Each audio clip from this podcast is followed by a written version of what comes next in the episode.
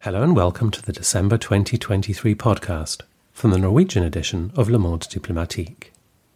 My name's George Miller, and my guest this month is Vicken Cheterian, who teaches history and international relations at the University of Geneva. In the December edition of the paper, he writes about Azerbaijan's recent military offensive to seize control of the disputed enclave of Nagorno Karabakh. Much has clearly changed since 2020 the last time Armenia and Azerbaijan came to blows over this ethnically Armenian enclave. Then Russia intervened, mediated, and sent in peacekeepers. Relations between Armenia and Russia have since cooled. Azerbaijan, meanwhile, has managed simultaneously to develop stronger partnerships with Russia, the US, and the EU, and it has close ties with Israel. We talked about all this in the interview, but when we spoke in mid December, I began by asking Vicken to set recent events in their wider context. So, on the 19th of September this year, Azerbaijani military launched a full fledged military attack against Armenian positions in Nagorno Karabakh. And in, in a matter of few days, they managed to take control of the region and to, uh, to force the population, the entire population, so it's around 100,000 people uh, to flee their homeland and to, to seek refuge in neighboring uh, Armenia. This attack comes after nine months of a blockade that Azerbaijan imposed on the region. So the population was uh, nearing starvation and it lacked uh, medication, it, it lacked fuel, it lacked benzene, and so on. And what is particular about this attack is that it came in a period where Azerbaijan was negotiating both with Armenia and with the de facto leadership of Nagorno Karabakh. So there are negotiations going on, but nevertheless, Azerbaijan decides to use force to, to take control over the region. The second curious thing is that Russian peacekeepers who were deployed there since 2020 war uh, they did not interfere. So they let Azerbaijani military realize an attack and total ethnic cleansing. Now, maybe to remind that uh, Nagorno Karabakh is in fact a Soviet era phenomenon. The Soviets created this entity, gave it an autonomous status uh, because of its majority Armenian population but uh, the curiosity is that the Soviets also decided to put this Armenian political entity within Soviet Azerbaijan instead of placing it within neighboring Soviet Armenia. So there we see that the Soviets were following a very imperial logic of creating entities that arranged um, the interests of the center and not necessarily uh, local realities. So instead of solving this conflict, they postponed this conflict for a later period. And in fact, in 1988, this arrangement, which was against nature, exploded when the local Armenians asked for self determination and asked for being detached from being under Soviet Azerbaijan and to be unified with neighboring Armenia. This was in February 1988. And a week later, we have pogroms against Armenians inside Azerbaijan proper.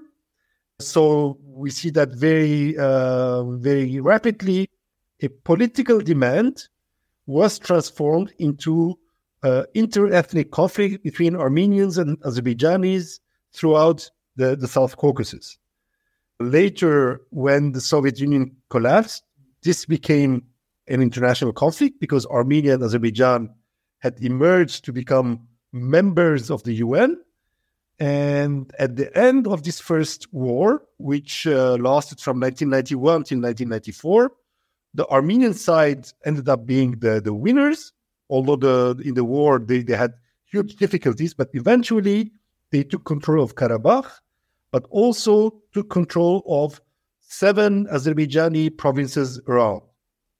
Between 94 and 2020, we have long period of negotiations during which the formula was that Armenians would give back the Azerbaijani provinces and in return will receive security guarantees and the right to self determination. But uh, in last years, tensions were growing, and eventually those tensions led to the 2020 war. You said there, Vicken, that at the time of the recent war, um, or the recent fighting, Armenia, Azerbaijan, and Nagorno Karabakh were engaged in negotiations. So, had those negotiations broken down, or was Azerbaijan not negotiating in good faith, or is it impossible to, to tell exactly how they went from negotiating to conflict? No, I mean, uh, there, there were negotiations, but at the same time, there were there was no approach from the Azerbaijani side to solve the conflict and to achieve peace. Azerbaijan wanted and wants to dictate its views on the Armenian side, and Azerbaijan simply felt that now is is the time to impose its its uh, perspective because of its military advantage but also because Azerbaijan has massive support coming from Turkey and from Israel. And at the same time, Azerbaijan managed to establish very good relations with Russia, the other major military power in the region. So, both militarily but also strategically, Azerbaijan is su- superior to the Armenian side at the moment, and it wants to take full advantage of this superiority. And presumably, Azerbaijan knew that it would not receive any significant opposition from Russia because, as you say, relations between Azerbaijan and Russia have strengthened even since the, the 2020 war. So, presumably, they pressed ahead with a fairly secure knowledge that they, they wouldn't be impeded. In fact, yes, even in 2020 war, Russia, which has a military treaty and security treaty with Armenia, instead of supporting Armenia, chose to, to play the role of the mediator between two sides and eventually intervened after the Armenian side was nearly defeated. And one should also mention that just two days before Russia invaded Ukraine, the Azerbaijani leader Ilham Aliyev went to Moscow and signed a very long treaty of alliance with Russia. And this shows that Russian Azerbaijani relationship is, is very warm and Azerbaijan provides uh, certain services to Russia, which Russia needs at the moment. And uh, maybe the last point is that Russia militarily today is very much engaged in, in an exhaustive war in Ukraine and does not have the, the military leverage to impose its views on Azerbaijan. So it's, it's a question of not willing, but also not having the means. And it's obvious that there was a very clear agreement between Azerbaijan and Russia before the September attack. This is very evident. And Azerbaijan has a geographical appeal to Putin, if I can put it like that. It's it's been quite a significant aid in circumventing sanctions, hasn't it, to Russia? So it's got a very, in addition to being an oil state, it's also got geostrategic advantage from where it's located in the world. That is true. Um, it seems that Azerbaijan is playing a significant role uh, logistically for Russia to reach out and uh, realize trade deals uh, with a number of economic partners in the south. But also, it seems that Azerbaijan is recycling Russian oil and gas even to EU markets with the knowledge of the EU, but but uh, I think they are simply closing their eyes. Uh, and the last point is that Putin and Aliyev, they belong to the same group of people. They are people emerging from the Soviet apparatus. Putin and Ilham Aliyev's father, who was the, the, the former leader of Azerbaijan, they are both KGB officers. And uh, Putin and Aliyev have the same language and same values, while the Armenian leader, uh, Nikol Pashinyan, he's a former journalist who came to power through a popular revolution. And, and both Putin and Aliyev hate this kind of people who challenge their order and their class privileges. And you mentioned there the EU being willing to close its, its eyes, and the reason for that is hydrocarbons, isn't it? To put it to put it crudely, Azerbaijan has resources which the EU is is interested in, and so the EU hasn't been critical of Azerbaijan's actions in in any significant way. Um, yes, uh, I, I, hear that argument. I think some EU countries, uh, namely Italy, uh, Romania, Bulgaria, uh, and and some others, do import uh, Azerbaijani energy, but one should not overestimate EU dependence on Azerbaijani resources. For example, what, what concerns natural gas, Azerbaijan supplies only 2% of the total EU needs.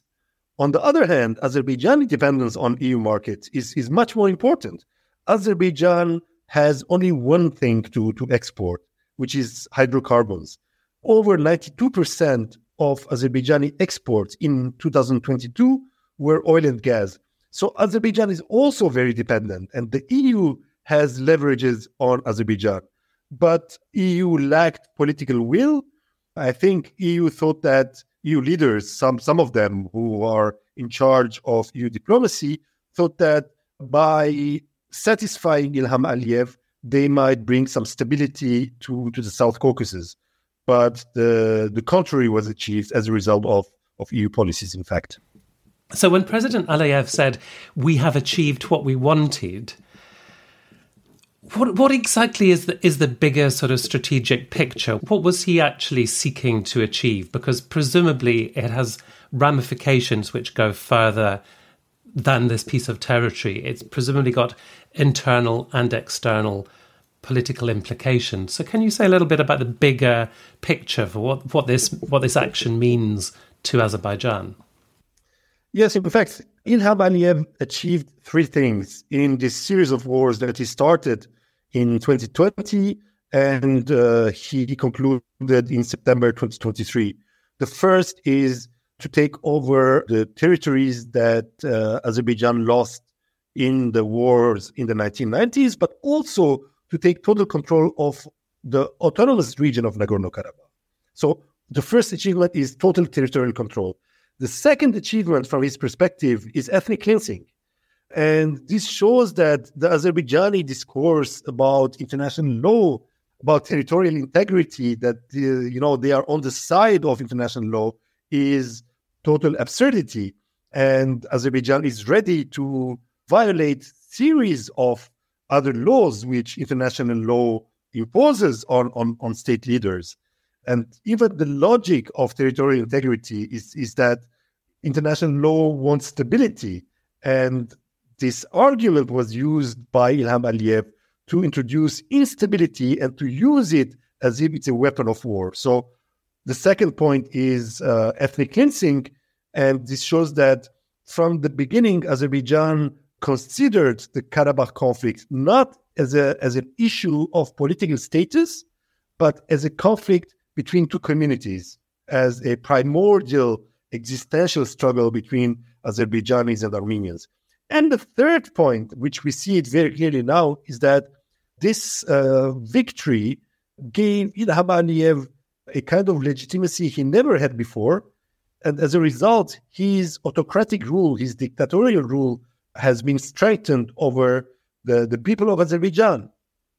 And since September, we see that Azerbaijani authorities are arresting all kinds of dissident thinkers, journalists, university professors, and the, the, the degree of tolerance of dissidents is completely disappearing in Azerbaijan. So in Azerbaijan now we have a population which has only one choice to, to follow this course imposed by the autocratic ruler or to leave the country or to end up in, in prison, basically. Azerbaijan is very low on the table of um, journalistic freedoms, isn't it? it and it seems to have been cracking down recently, even further on, on freedom of expression in, in, in recent months. Uh, absolutely, and this is extremely dangerous because um, the last autonomous institutions in Azerbaijan, the few little media institutions online, the few thinkers who can think differently and say something interesting about the state of Azerbaijani economy, about social developments. All these people are being silenced today. And uh, when Azerbaijan will face its next crisis, and when the dictatorial model of Ilham Aliyev based on oil and gas revenues, this model stops functioning, then the whole society will be completely disarmed instead of the crisis. So this is very worrying for the future of Azerbaijan and its population.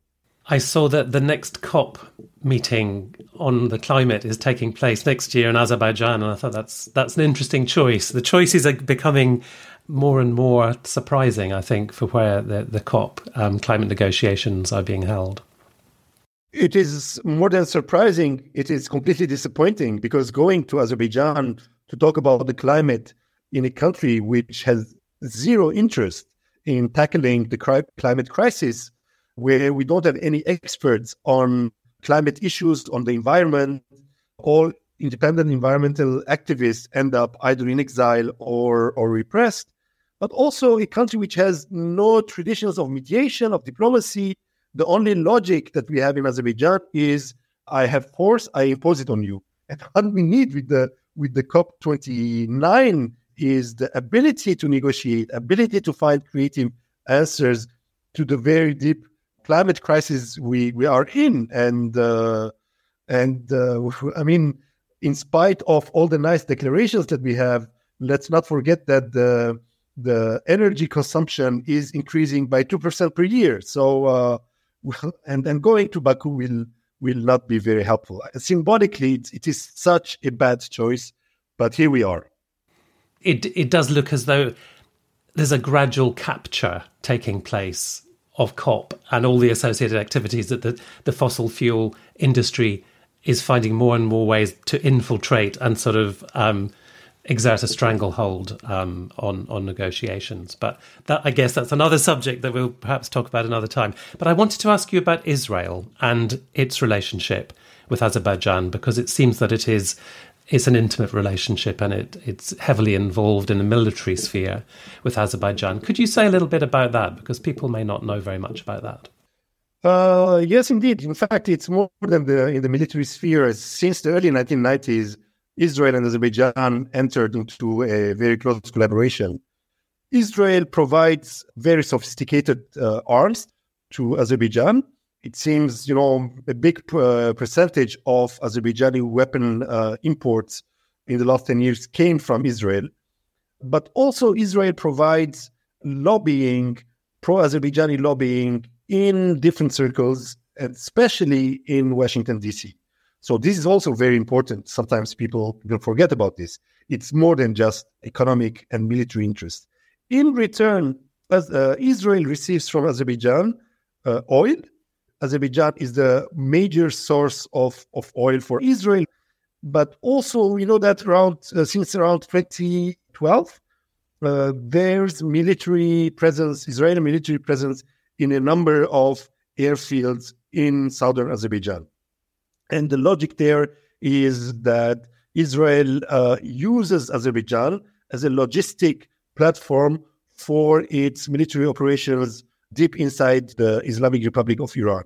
So this alliance is, is, is much deeper than simply arms exports and it's of uh, strategic na- nature.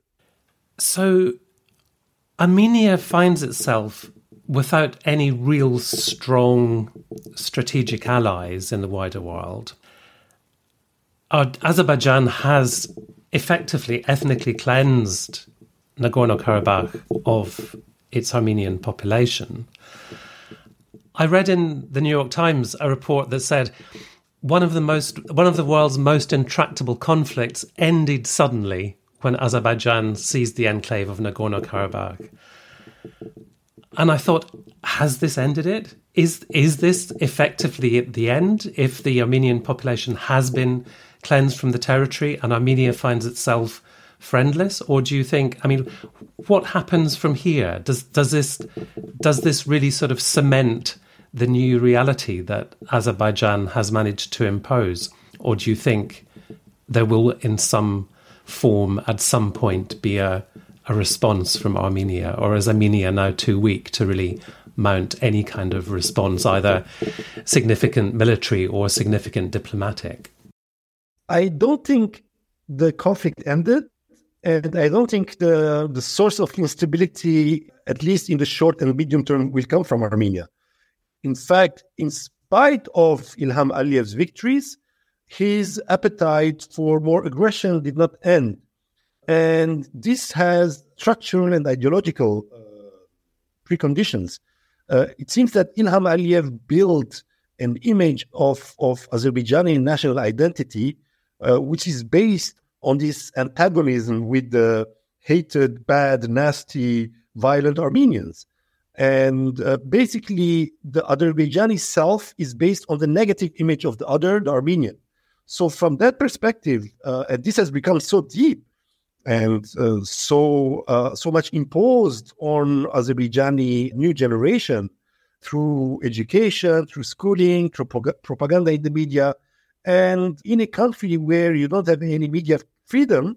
So what Ilham Aliyev uh, says is not challenged by anyone else, whether this anyone else is uh, opposition parties, parliamentarians, or independent experts saying that his version of history is not historical, is, is ideological. So there's that, but also we see that Azerbaijan has territorial demands on Armenia. Azerbaijan wants to have territorial access to Nakhichevan, and Azerbaijan in the last uh, wars occupied strategic heights deep inside Armenia. So um, uh, how things will develop, I don't know, but uh, it is evident that Armenia today doesn't have the military means to counter Azerbaijan. But uh, down the road, when uh, this balance of forces changes, and if this logic of confrontation and ethnic hatred does not change in one way or another, uh, then I don't see that this conflict end, ends here. All the preconditions are there for the conflict to continue, unfortunately. I was speaking to Vicken Cheterian, you can read his article on Armenia's isolation and what it means for Nagorno Karabakh in this month's edition of Le Monde Diplomatique. It's available to our subscribers and also on sale at newsstands across Norway and Denmark. Subscribers can also access it and the complete archive of the paper online at www.lmd.no. If you're not yet a subscriber, there's plenty of open access content online to entice you to become one and full details on how to go about it. In the words of John Berger, why read LMD? To make sense of what's happening in the world behind the misinformation. I hope you'll join me again next month for another interview with one of our contributors. Until then, thank you very much for listening, and goodbye.